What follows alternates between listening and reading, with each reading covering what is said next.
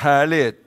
Som sagt var, äh, jättehärligt att se dig här den här morgonen. Vi vill också tacka för alla förböner. Ska vi ge barnen en applåd också när de går? Så bra! Bless you, alla fina små barn. äh, tack så mycket för alla förböner också. Vi var ju i Albanien förra veckan, Maria och jag och eh, vi fick vara med förmånen att starta upp bibelskolan där och eh, eh, så roligt att se hungern en ny generation och man glömmer fort att det var bara 30 år sedan som Albanien var eh, världens, ett av världens mest ateistiska länder tillsammans med Nordkorea. Och eh, var, tillsammans med oss var också eh, en, en broder som jobbar i Montenegro. Han sa i Albanien idag finns det flera församlingar än det finns troende i Montenegro. Så eh, det Gud har gjort i Albanien på Balkan, det, det, är fantastiskt att se. Och jag har alltid känt det här och sagt i församlingen, jag åkt runt och predikat, glöm inte bort att ni har en kallelse för hela Balkan, för alla länder runt omkring. För Gud kan använda det minsta att göra någonting fantastiskt av det. Det som var nedtrampat, det som folk trampar på, det vill Gud lyfta upp och göra till en välsignelse för alla runt omkring. Och vi fick också vara med om en fantastisk sak, för när vi planerade den här bibelskolestarten så eh, visste vi ju inte om vad som skulle hända samma helg.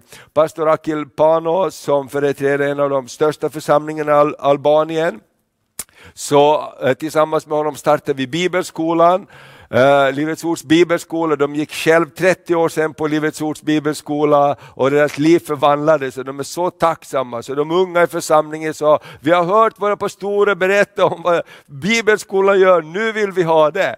Och, och, eh, samtidigt så är ju eh, Akil också, han är eh, professor vid ett universitet, han är medieprofil, talar ofta i media och han har stått upp också för äktenskapet, familjen. Och utifrån det så har han blivit anklagad av EU-kommissionär, tyvärr bekostad också, eller den här kampanjen faktiskt av svenska skattemedel, du kanske läste om det i världen idag, för att driva den här propagandan. Och på fredag, förra fredagen skulle det ha varit en rättegång, allting var uppsatt och vi bad här, ni bad, överallt bad folket och på halvtimme innan rättegången så startade så sa eh, domaren, sa, jag kan inte komma idag, det blir ingen rättegång. Så det blir på framtiden någon gång. För att på lördagen, dagen efter, var en stor manifestation. Han har gjort ett fantastiskt jobb för att stå upp för familjen och eh, för de här värderingarna. Presidenten var där, flera från riksdagen var där, eh, borgmästaren var där för Tirana, eh, de olika religiösa representanterna var där, till och med muslimska högsta imamen var där och de sa vi har inte allting gemensamt men en sak har vi gemensamt, vi står för familjen. Och det var något helt fantastiskt. Och var det en, en, kvinna också från USA som leder en organisation som heter Them before us, alltså barnens rätt. Och, och, Eh, och hon är kristen själv, hennes man är pastor och hon talar otroligt brinnande för det här. Så presidenten satt bredvid eh, Akil och eh, pastor Akil och så sa han, du vad gör ni på måndag? sa han. Vad, vad tänker du på? sa han. Kan ni komma upp till presidentpalatset med den här kvinnan, jag vill höra mera om det här. Så på måndagen efter så var de inbjudna till presidenten för att, att hur kan vi stå mera för det här? Så jag tänker Gud är god. Amen. Ska vi bara ge en applåd för det? Amen. Så jag tänker låt oss, låt oss be och jag tänkte att Albanien kan få vara en röst också in till Sverige tillbaks. Att man kan stå upp för vissa saker. Och jag tänker det också, jag läste bara, vi pratade ju tidigare om eh, när du Anita var med här på scenen, då pratade vi om identitet. Och jag läste bara nu i tidningen här eh, medicians, eh, hur man har ändrat det här begreppet, man backar ifrån att låta unga och barn ändra kön, därför man säger det är inte bra. Kommer du ihåg att vi bad för det? När vi hade det här, så att, jag menar saker kan förändras. Amen. Och uh, lite grann uh, utanför det här så var det så fantastiskt på lördag för uh, pastor Akil och hans fru, de var ju helt slutkörda. Först skulle det vara bibelskoleöppningen på torsdag, på fredag skulle det vara rättegång som blev inställd och på lördag den stora manifestationen. Så de var ju liksom och bara luften gick ur dem på lördag eh, eh, vid lunch när allt det här var över, den här stora manifestationen. Så de åkte ut till kusten, skulle äta lunch och bara gå längs strandpromenaden för att bara hämta ny kraft. Och när de går där så vem är de på strandpromenaden? Jag säger det är EU-kommissionären som har anklagat honom. Och han bara går där och hur sannolikt är det att man möts liksom på en annan stad på stranden. Liksom. Så han stoppade honom och, och han blev liksom jättenervös men säger lugn bara, du behöver inte vara, vara orolig sa, sa Kill för att uh, Gud kommer att ta hand om det här och det är inte personligt. Eh, och EU-kommissionären sa det här är inte personligt mot dig, sa han, utan det här har gått alldeles för långt, sa han. Tagit alldeles för stora proportioner. Och de pratade en stund och, och det slutade med att pastor Akil sa, kan jag få ge dig en kram, sa han. Amen. Så det är helt fantastiskt. Eh, jag menar vad Gud kan göra i allting. Liksom. Hur kan man sätta ihop någonting sånt? Men Gud verkar, så jag tänker låt oss fortsätta be för Sverige. Låt oss fortsätta ropa till Gud, för Gud kan göra det inte vi kan göra. Och så får han ge oss frimodighet och plötsligt så ställer han oss på platser. Så jag tycker det, det är fantastiskt spännande att vi får vara med om så många olika saker, eller hur? Så tack för alla förböner också. Amen. Nu ska vi gå till Jakobs brev. Amen. Tack Jesus att du hjälper oss och som vi har bett och prisat dig Herre, men du är helig Ande, du är vår hjälpare, du är vår lärare och vi vill bara ge tid också för Guds ord Herre. För det står att ditt ord förvandlar oss, ditt ord är som en evig sed och ditt ord det, det återvänder inte utan att ha verkat var det utsänt. Och vi bara tar emot ditt ord och hjälp mig att förkunna ditt ord idag. I Jesu namn, Amen. Så om du har din bibel med så öppna Jakobs brev så kommer vi att stanna där eh, den här söndagen och nästa och kanske lite till den tredje också om vi inte hinner med. Men den tredje söndagen här så kommer vi att tala om också nattvarden. Vi pratade om dopet förra månaden. Vi vill bara slå ner i de här grundläggande sakerna också under den här tiden. Men nu tar vi några söndagar med Jakob. Och Jakobs brev det är ju eh, ett intressant brev, det är ett väldigt utmanande brev. Och läs gärna Jakobs brev de här veckorna, för Jakobs brev det utmanar oss att ta vår tro på allvar. Eh, eh, därför att tron är verksam genom gärningar. Om inte tro får händer och fötter så blir den eh, overksam och det blir bara huvudkunskap. Och, och då börjar vi slå varandra med Bibeln i skallen istället för att älska varandra. Och det var någon som sa så här också nu när det blir oroliga tider, sa en, jag tror det är dags att skaffa vapen. Jaha, sa jag, och vem tänkte du skjuta då? Din granne som är hungrig som vill ta dina potatis eller? Ja, men ibland blir vi ju konstiga, eller hur? Så Jesus, han måste få komma in och han kan förvandla kärlekens kraft till den starkaste kraften. Så först har vi några eh, slides här med lite bakgrundsinformation om Jakobs brev och sen så kommer vi gå in i undervisningen. Så kan ta nästa bild där. Vilken Jakob skrev brevet kan ju vara intressant för att det finns flera olika Jakob eh, nämnda av lärjungarna och de som följer med Jesus. Och man vet inte alldeles 100% men mest troligt är det den Jakob som också kallas rättfärdige. Han som var Jesu halvbror och ledde församlingen i Jerusalem efter att Petrus han, han eh, gick vidare. Och eh, det här kan vi också se därför att det skrevs mest om den här Jakob och därför är det mest troligt han som har skrivit det här brevet. Jakob och Jesus i Markus 6 och 3 så får han vittnesbördet, är inte det, detta snickaren, Marias son, bror till Jakob och Joses och Judas och Simon, när man talar om Jesus. Eh, så det här var mest troligt Jesu halvbror som har skrivit Jakobs eh, brev. Han omnämns också några, som några av Jesu halvbröder släktingar. Att Jakob kommer först betyder sannolikt att han var den äldste av dem, alltså närmast Jesus i ålder. När skrivs det här brevet? Någonstans mellan år 42 och 62. Jakob lider martyrdöden i Jerusalem 62 eller 64 säger några. Det, det, ungefär den tiden.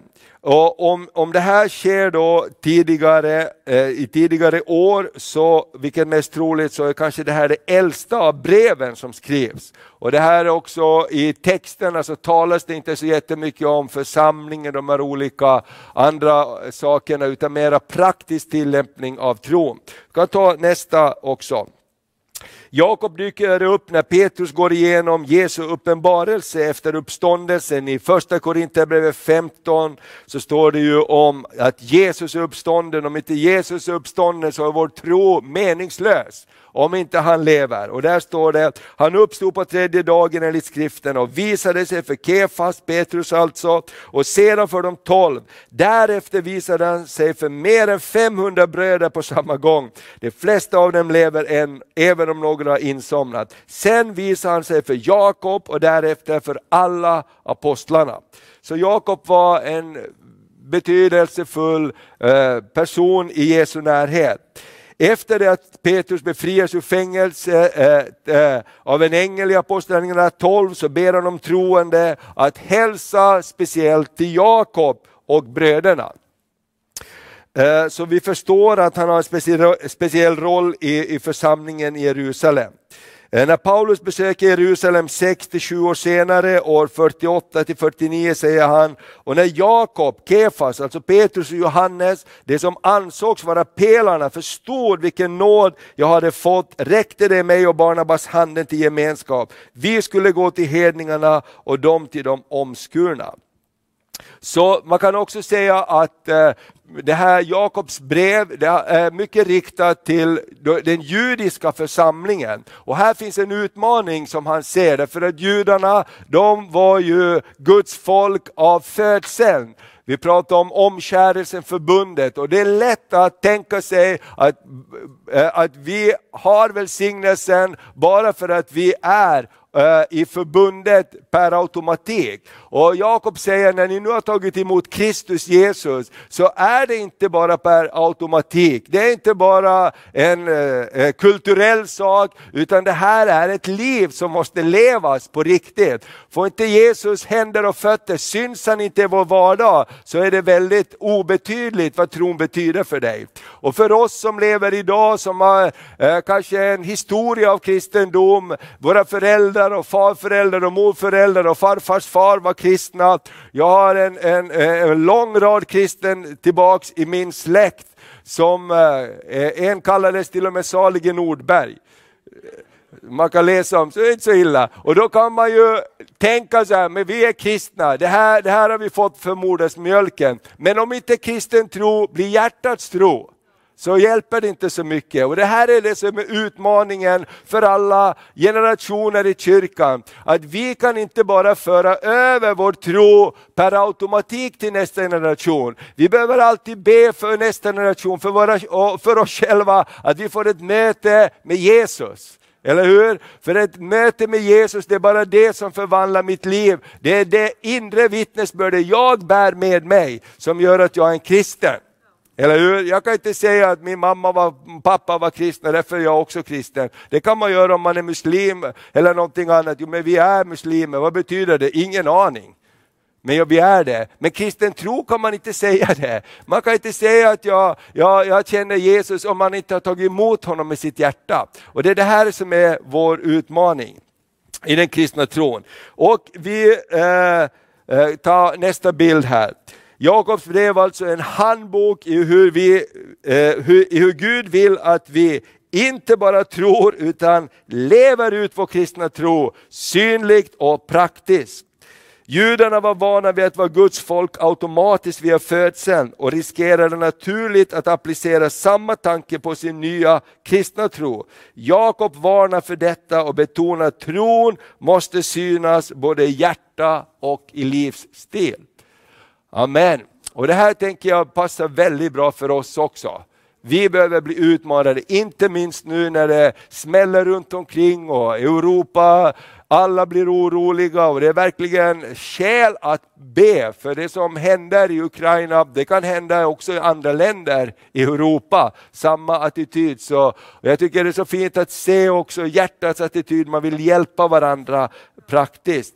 Så vi kan ta nästa bild, tro och handling.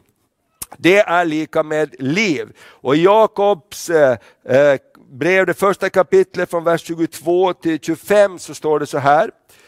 Var ordets görare, inte bara dess hörare. Ska vi läsa det tillsammans kanske? Har du hittat det eller så ser du det? Så läser vi. Var ordets görare, inte bara dess hörare. Annars bedrar ni er själva.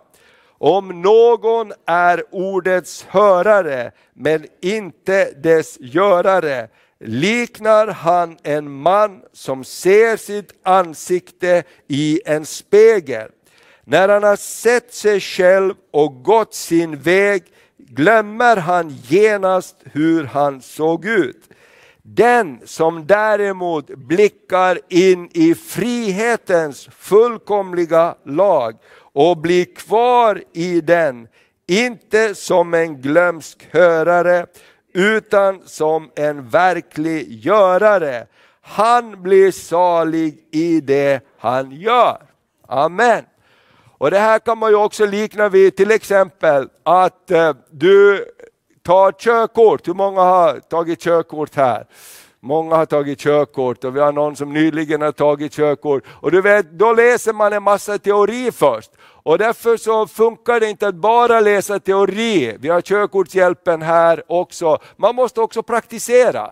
Det går inte att säga att nu har jag läst hela kursen, jag klarar alla frågor på provet. Jaha, ska vi gå ut och köra? Vad är det här för någonting? Det här är en ratt, den använder man för att styra. Eller hur? Det är det man får göra när man tar körkort. Så går man, hoppar man in i bilen och säger det här är ratten, det här är det här och man tycker det är självklart. Men det är inte självklart. Teori och praktik måste gå hand i hand för att du ska kunna framföra fordonet. Och jag kommer ihåg samma sak när jag växte upp så eh, i Finland så var det många som läste svenska, man måste läsa svenska i skolan och de var inte så glada för det, de finska ungdomarna.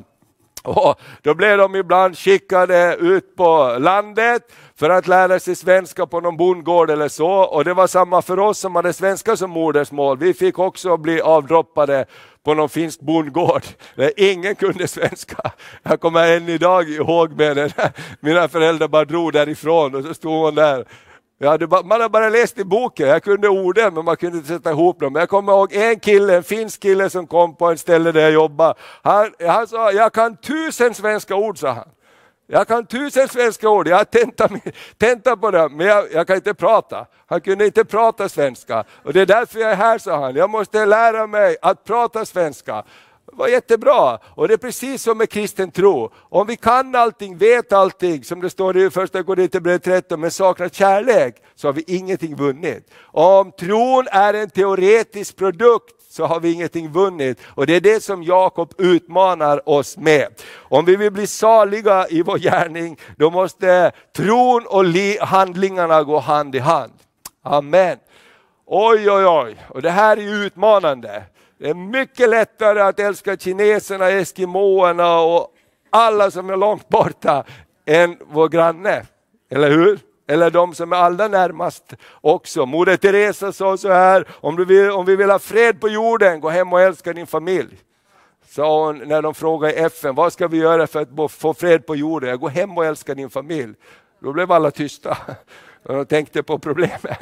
Men det är där det börjar, eller hur? Och det är därför det är så utmanande också, tron måste få komma nära. Och det här är ju han väldigt tuff med, om vi tar den första punkten, är ju eh, Jakob, du utmanar oss. Första punkten är gläd dig i prövningen.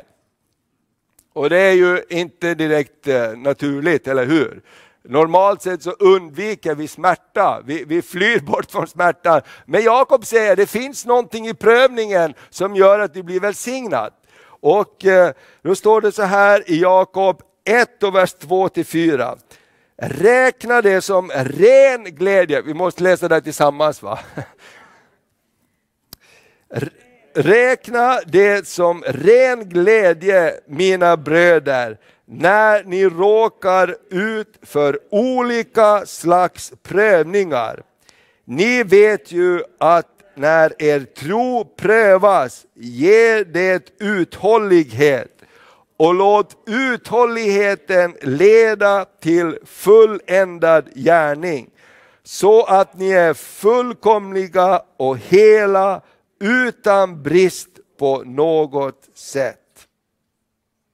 Det här är ju utmanande. Räkna det som ren glädje, mina bröder, när ni råkar ut för olika slags prövningar. Här handlar det ju om att tänka på ett annat sätt, eller hur? Därför om vi vet att Gud är med oss, då vet vi att han också bereder en utväg ur prövningen. Och eh, det är ju faktiskt så att det är ju prövningen som vi blir starka. Om, om vi undviker smärta, om vi undviker prövning, så blir vi inte starka. Om man går på gym och, och börjar träna och du tar bara den lättaste vikten hela tiden, har ni en på en kilo, jag tar den en kilos vikten.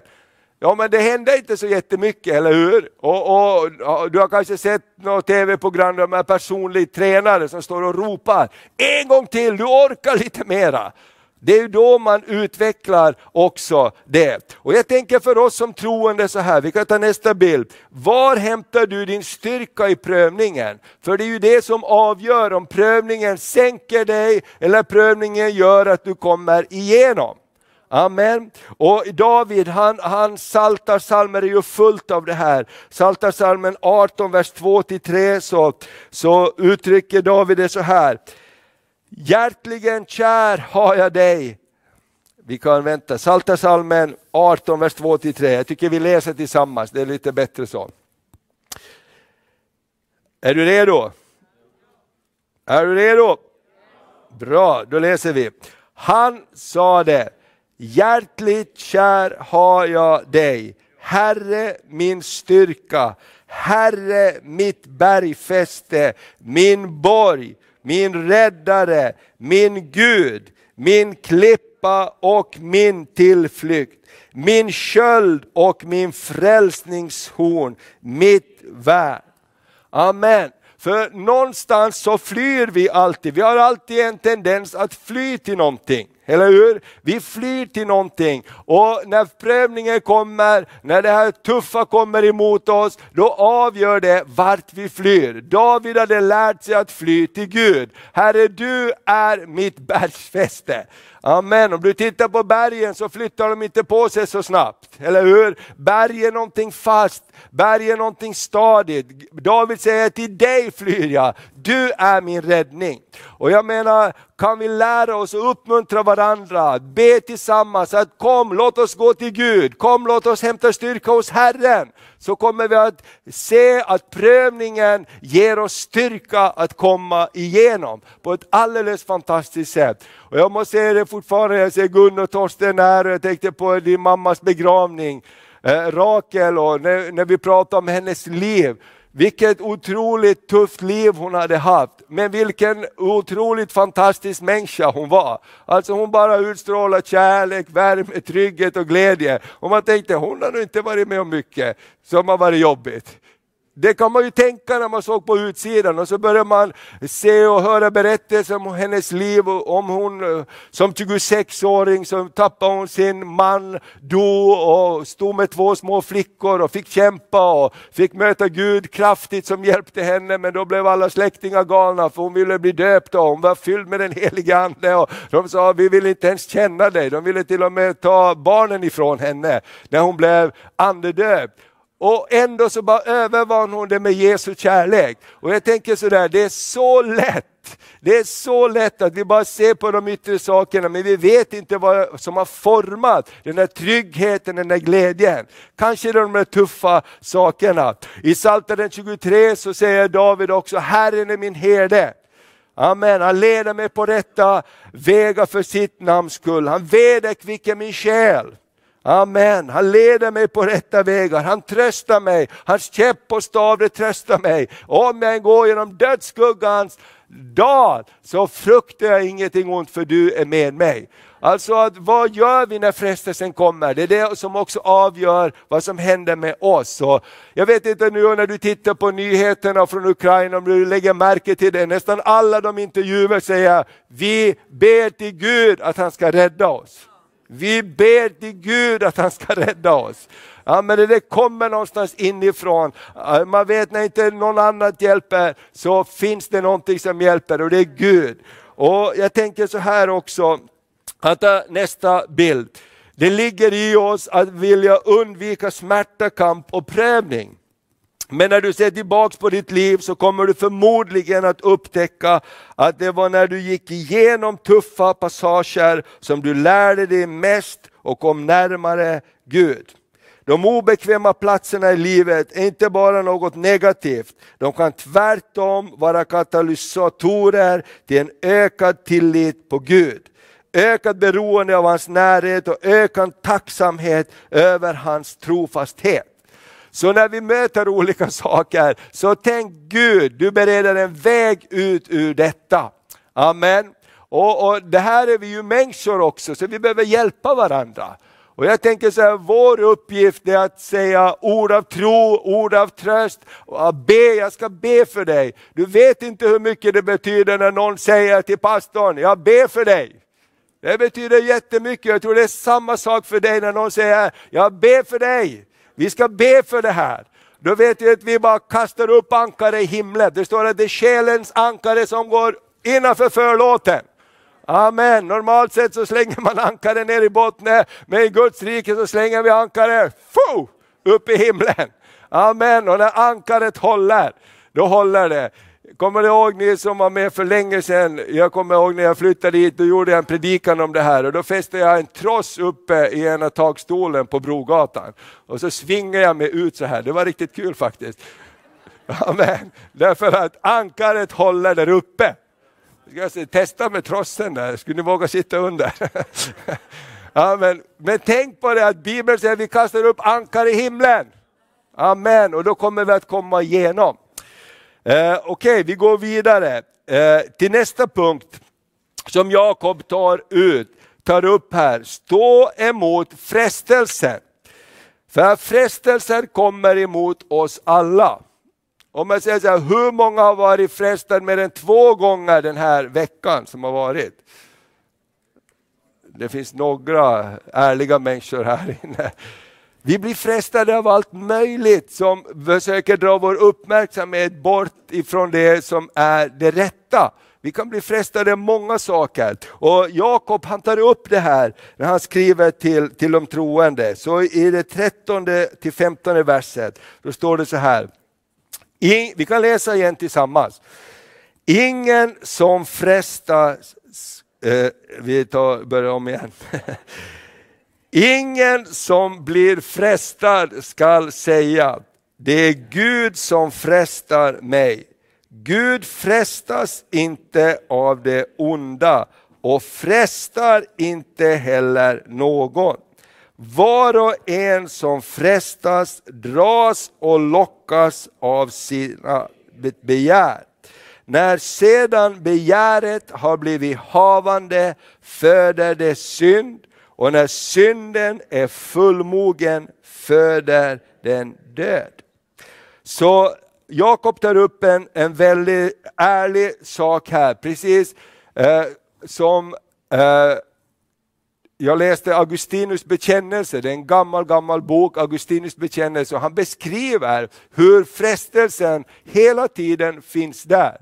Och han säger någonting intressant i den här boken, han säger, det är inte intressant att palla äppel om man är själv. Men tillsammans med en kompis så blir det intressant att sno äpplen från grannens gård, även om jag har egna äppelträd hemma. Därför att det är lite spännande, eller hur?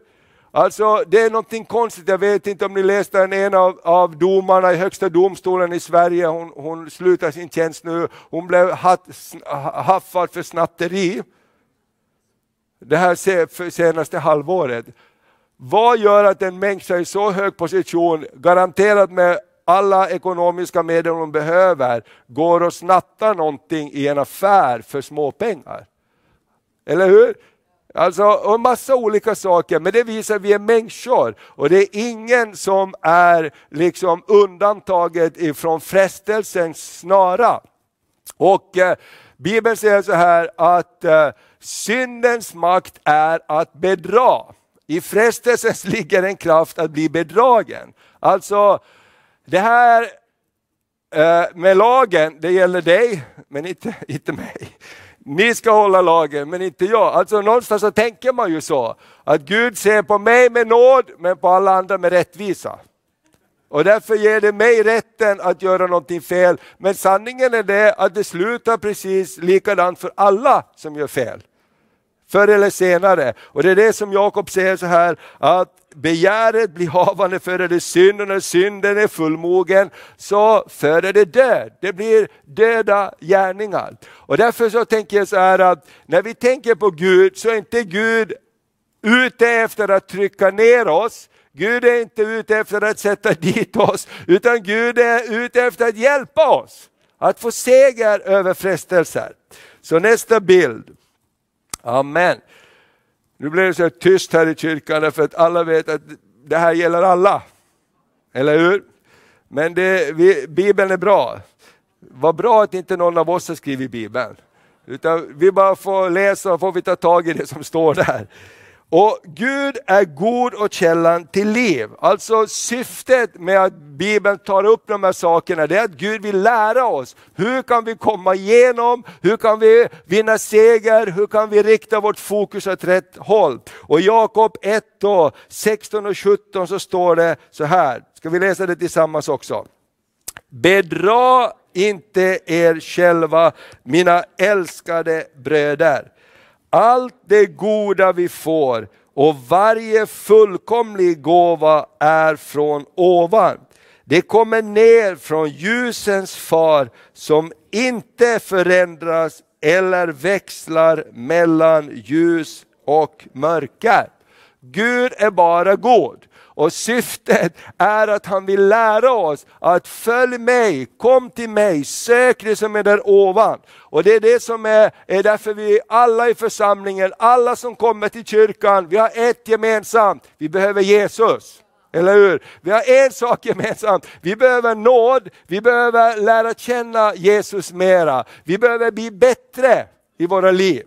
Och den stunden vi säger att jag har inget förbättringsområde, så då kanske du är i himlen redan.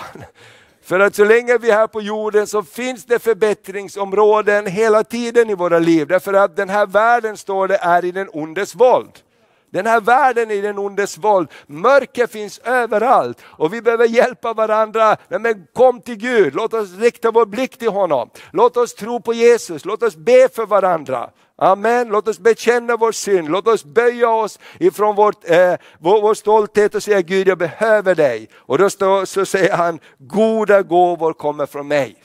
Amen. Goda gåvor kommer från honom. Och därför är det så fult av fienden. Alltså fienden är en tjuv och en lögnare. Han säger, gå inte till Gud när du har problem. För du måste försöka ordna upp dina problem först innan du går till Gud. Det är ju helt vansinnigt. Det är ju därför vi har ett kors. Medan vi alla gick vilse så lät han Jesus dö på korset. Jesus vill ju hjälpa oss.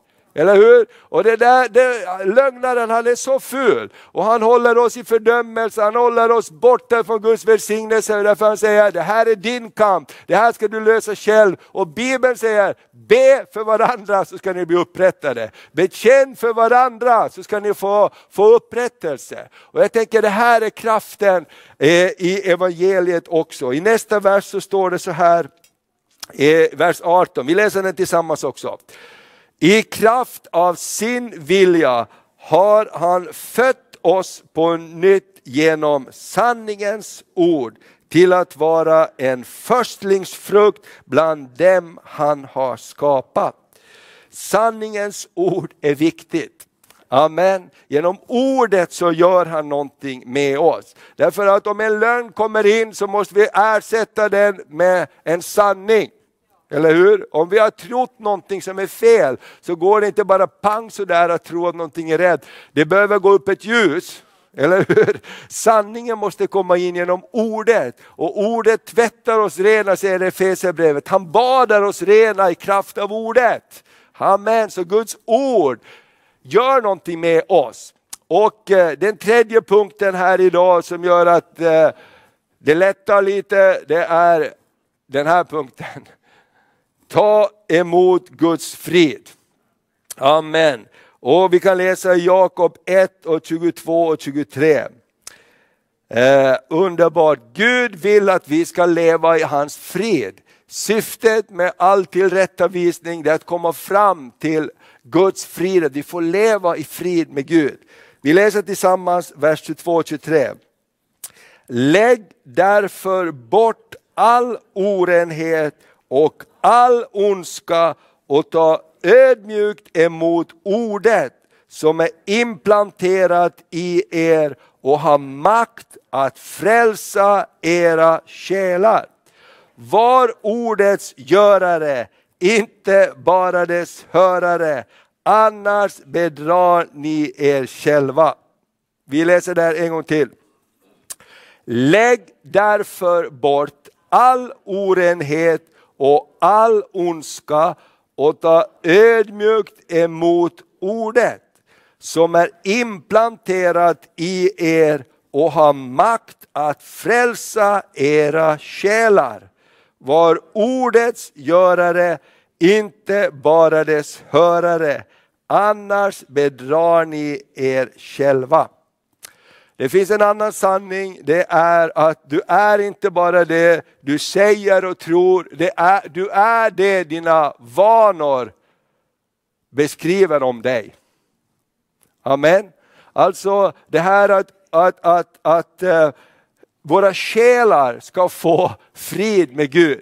Och Det här är kanske det som är det jobbigaste och svåraste när det gäller Eh, frälsningsvissheten också. Därför att när du tog emot Jesus i ditt hjärta så kom han in i ditt hjärta. Ditt namn blev skrivet i Livets bok. Men det betyder inte att du blev fullt helgat, det betyder inte att ditt sinne fick full ordning på alla tankar, utan det här är det som är frälsningens väg och jobbet med frälsningen varje dag våra själars frälsning. Eller hur? Och ibland så säger fienden om vi inte känner oss riktigt frälsta, om vi tycker att vi har tänkt någonting eller sagt någonting som inte är så bra, så kommer fienden och säger att vi inte är frälsta, men det är inte sant. Eller hur? Därför frälsningen är Guds verk. Eller hur? Frälsningen är inte ditt verk. Men helgelsen, det är ditt och mitt jobb som han hjälper oss med. Och han har gett oss den helige Ande som tar tag tillsammans med oss. Det är inte så att helige Ande gör allting för oss, men helige Ande är vår hjälpare. Vad gör en hjälpare? Jo, han tar tag tillsammans med oss. Om vi säger att jag har svårt att ställa mig upp, då kommer en hjälpare och, och hjälper till lite grann. Nu kan hon stiga upp väldigt bra annars också, men jag praktiserar. En hjälpare gör inte saker istället för oss. En hjälpare hjälper oss. Eller hur? Man får hjälpmedel om man behöver hjälp. Och, och, och, Det är det här som är heligandes jobb. Så jag tänker så här, låt oss arbeta på själens frälsning. Därför att jag tänker så här, den atmosfär vi lever i, i vårt huvud, våra tankar, hemma, det är vårt liv. Amen. Din atmosfär är ditt liv. Amen. Och därför så, sätt inte bara på allt möjligt på radion. Använd lovsångsmusik i ditt hem, för det ändrar atmosfären. Amen.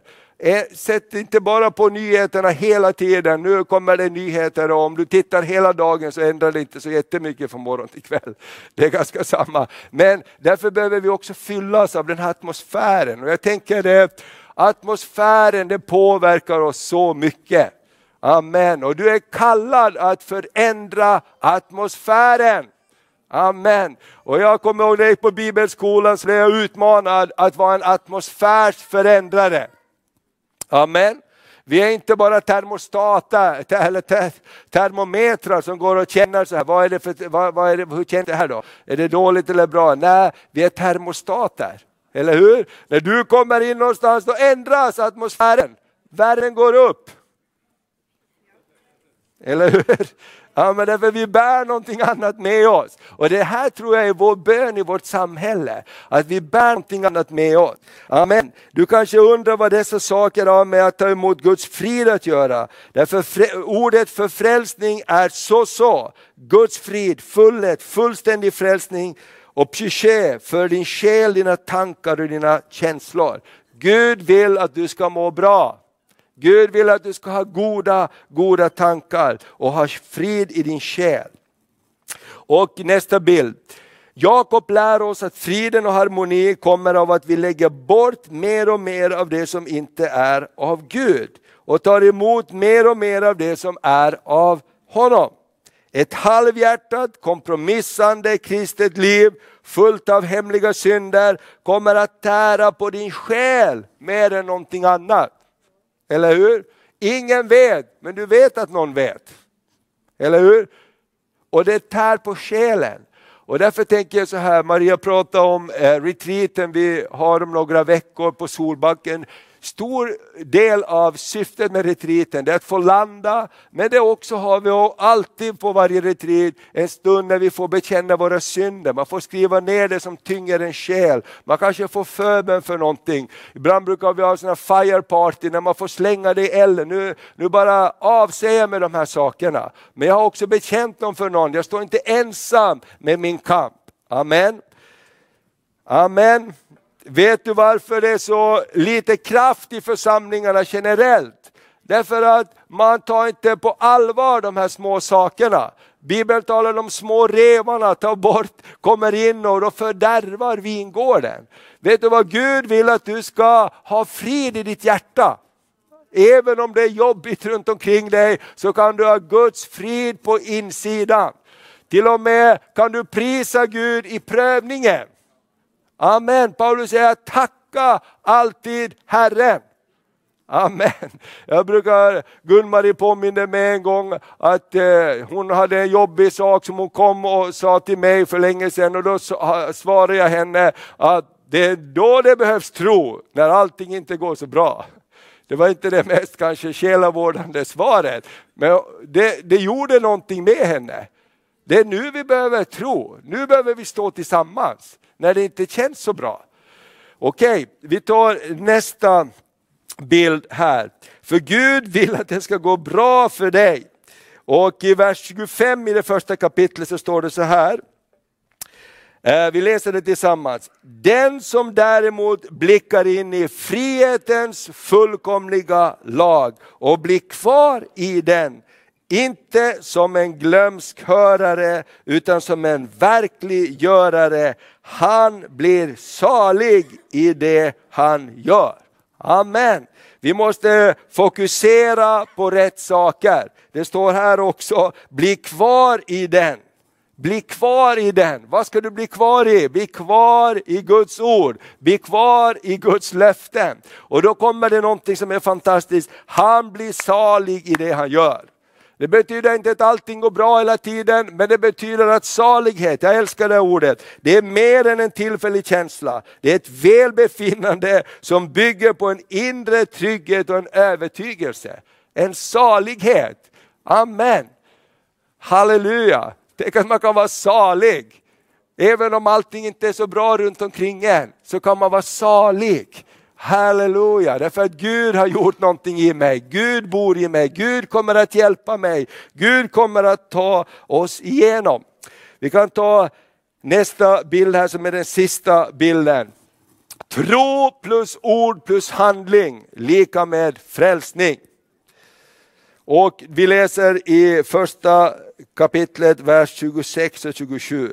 Alltså tro, ord och handling, det är lika med verklig kristen tro. Vi läser tillsammans. Om någon menar sig tjäna Gud men inte tyglar sin tunga utan bedrar sitt hjärta, då är hans gudstjänst ingenting värd.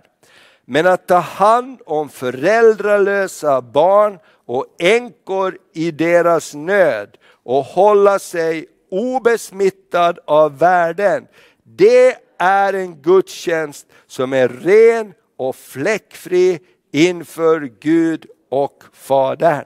Amen. Allting hänger ihop. Om du läser kapitel 2, det kan du läsa hemma, där pratar eh, det ännu mera om tro utan gärningar är död. Gärningar visar att det finns tro.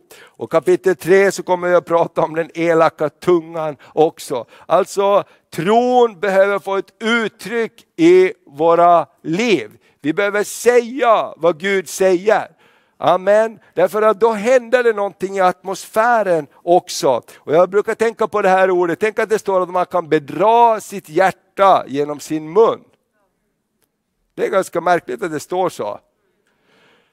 Om du inte tyglar din tunga utan bedrar ditt hjärta, då är din gudstjänst ingenting värd.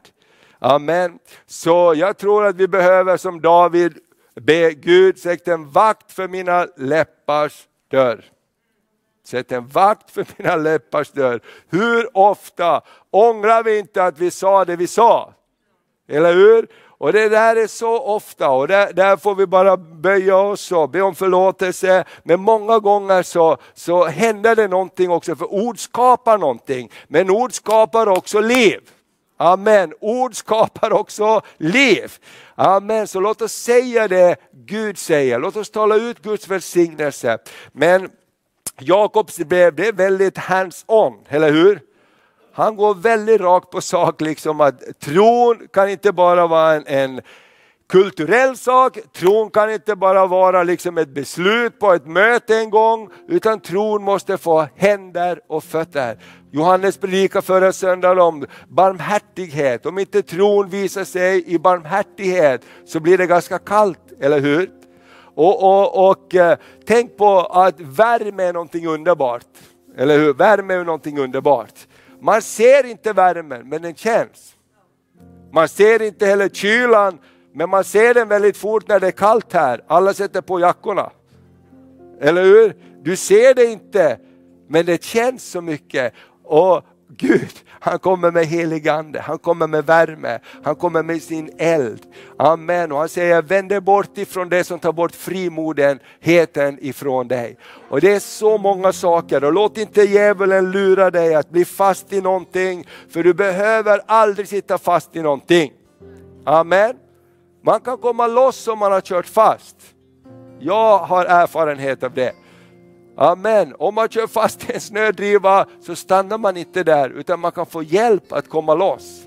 Och när man har kommit loss så kommer man fortsätta sin färd. Amen. Så Herren vill bara hjälpa dig, Herren vill hjälpa dig, Herren vill välsigna dig. Herren vill göra att din tro har fötter och händer och nu kanske vi får en ny flyktingvåg som kommer igen från Ukraina. Kanske vi får människor som knackar på vår dörr igen Låt oss då tänka, jag vill vara en riktig troende, jag vill vara en kristen. Amen. Det står att de som tar emot gäster, de kan få änglar på besök. Amen, de kan få änglar på besök. Vi vet inte vad som ligger i framtiden, men Gud vet det och Gud vill utmana oss att ta vår tro på allvar. Amen, och Jakobs brev man säger det också. Så låt oss ta en stund och bara prisa Jesus. Så vill jag uppmuntra dig att läsa Jakobs brev inför nästa söndag, de närmaste kapitlerna. Och så ska vi prisa Gud och be tillsammans. Jag bara längtar efter mera av Guds frihet, mera av Guds renhet. Och har du fastnat i olika saker, har du fastnat i saker på internet, har du fastnat i saker som inte är bra, Tänk inte att det är din kamp. Tänk inte att du ska göra det själv. Låt oss stå tillsammans, vad det än är. Vad det än är. Låt oss stå tillsammans. Gud kan komma med frihet. Hörde ett så fantastiskt vittnesbörd i, i Albanien här. En av killarna som gick på bibelskolan, han var ganska nyfrälst. Uh, och, och, han körde oss med sin bil och vi frågade pastorn hur är det med den där killen? Uh, och för han, han, han tog en rök emellanåt så vi förstår att han var väldigt nyfrälst. Men han var, han, var, han var väldigt härlig, han var på gång och han sa den här killen har blivit frälst de närmaste månaderna. Det var så att, att, att, att, hans pappa kom till mig, han var en rik affärsman, hans pappa, och han kom till mig och ville ha ett samtal med mig. Och han satt och han grät. Och det är inte vanligt i vår kultur att män i den här åldern gråter. Men han sa, kan du hjälpa min son? Jag vet inte vad jag ska göra, han har fastnat i spelmissbruk. och han har spelat bort miljoner.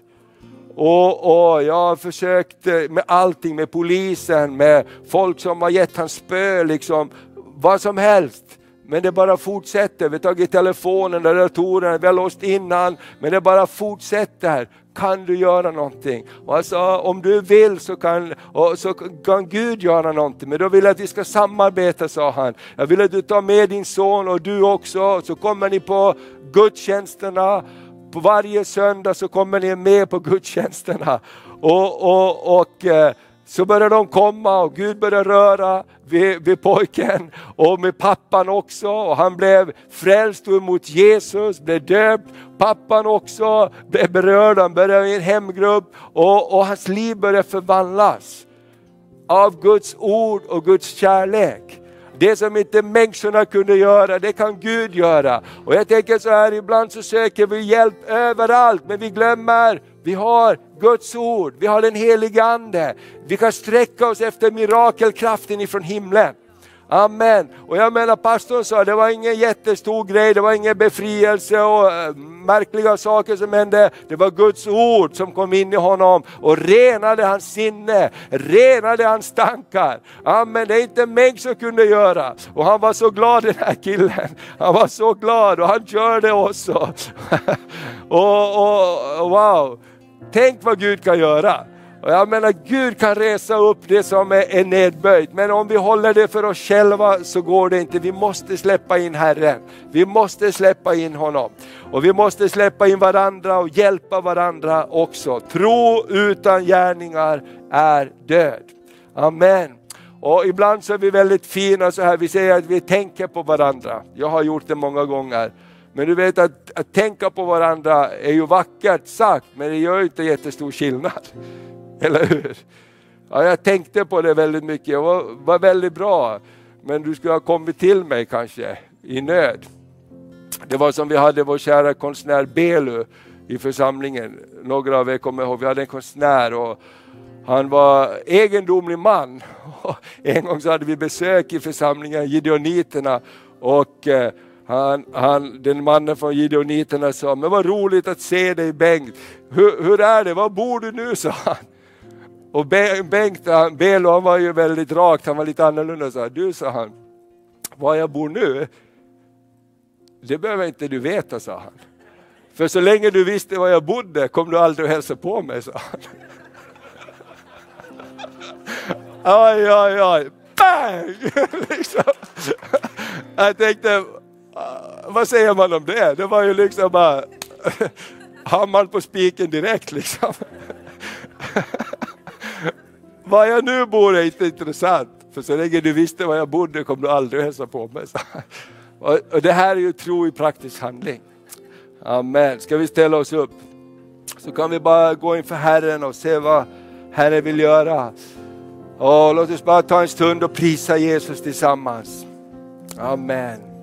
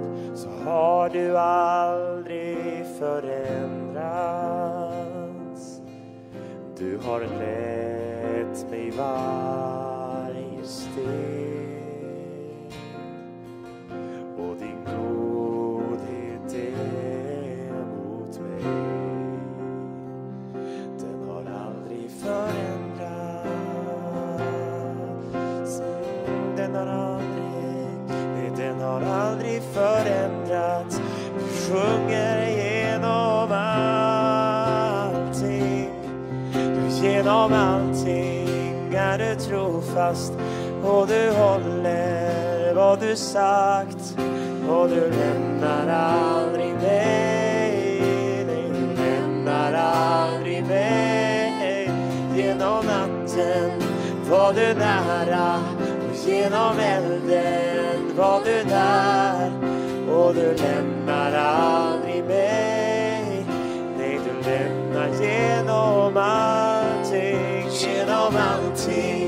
Är du trofast och du håller vad du sagt.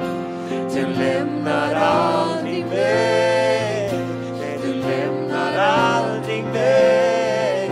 Genom natten var du nära, genom elden var du där och du lämnar aldrig mig,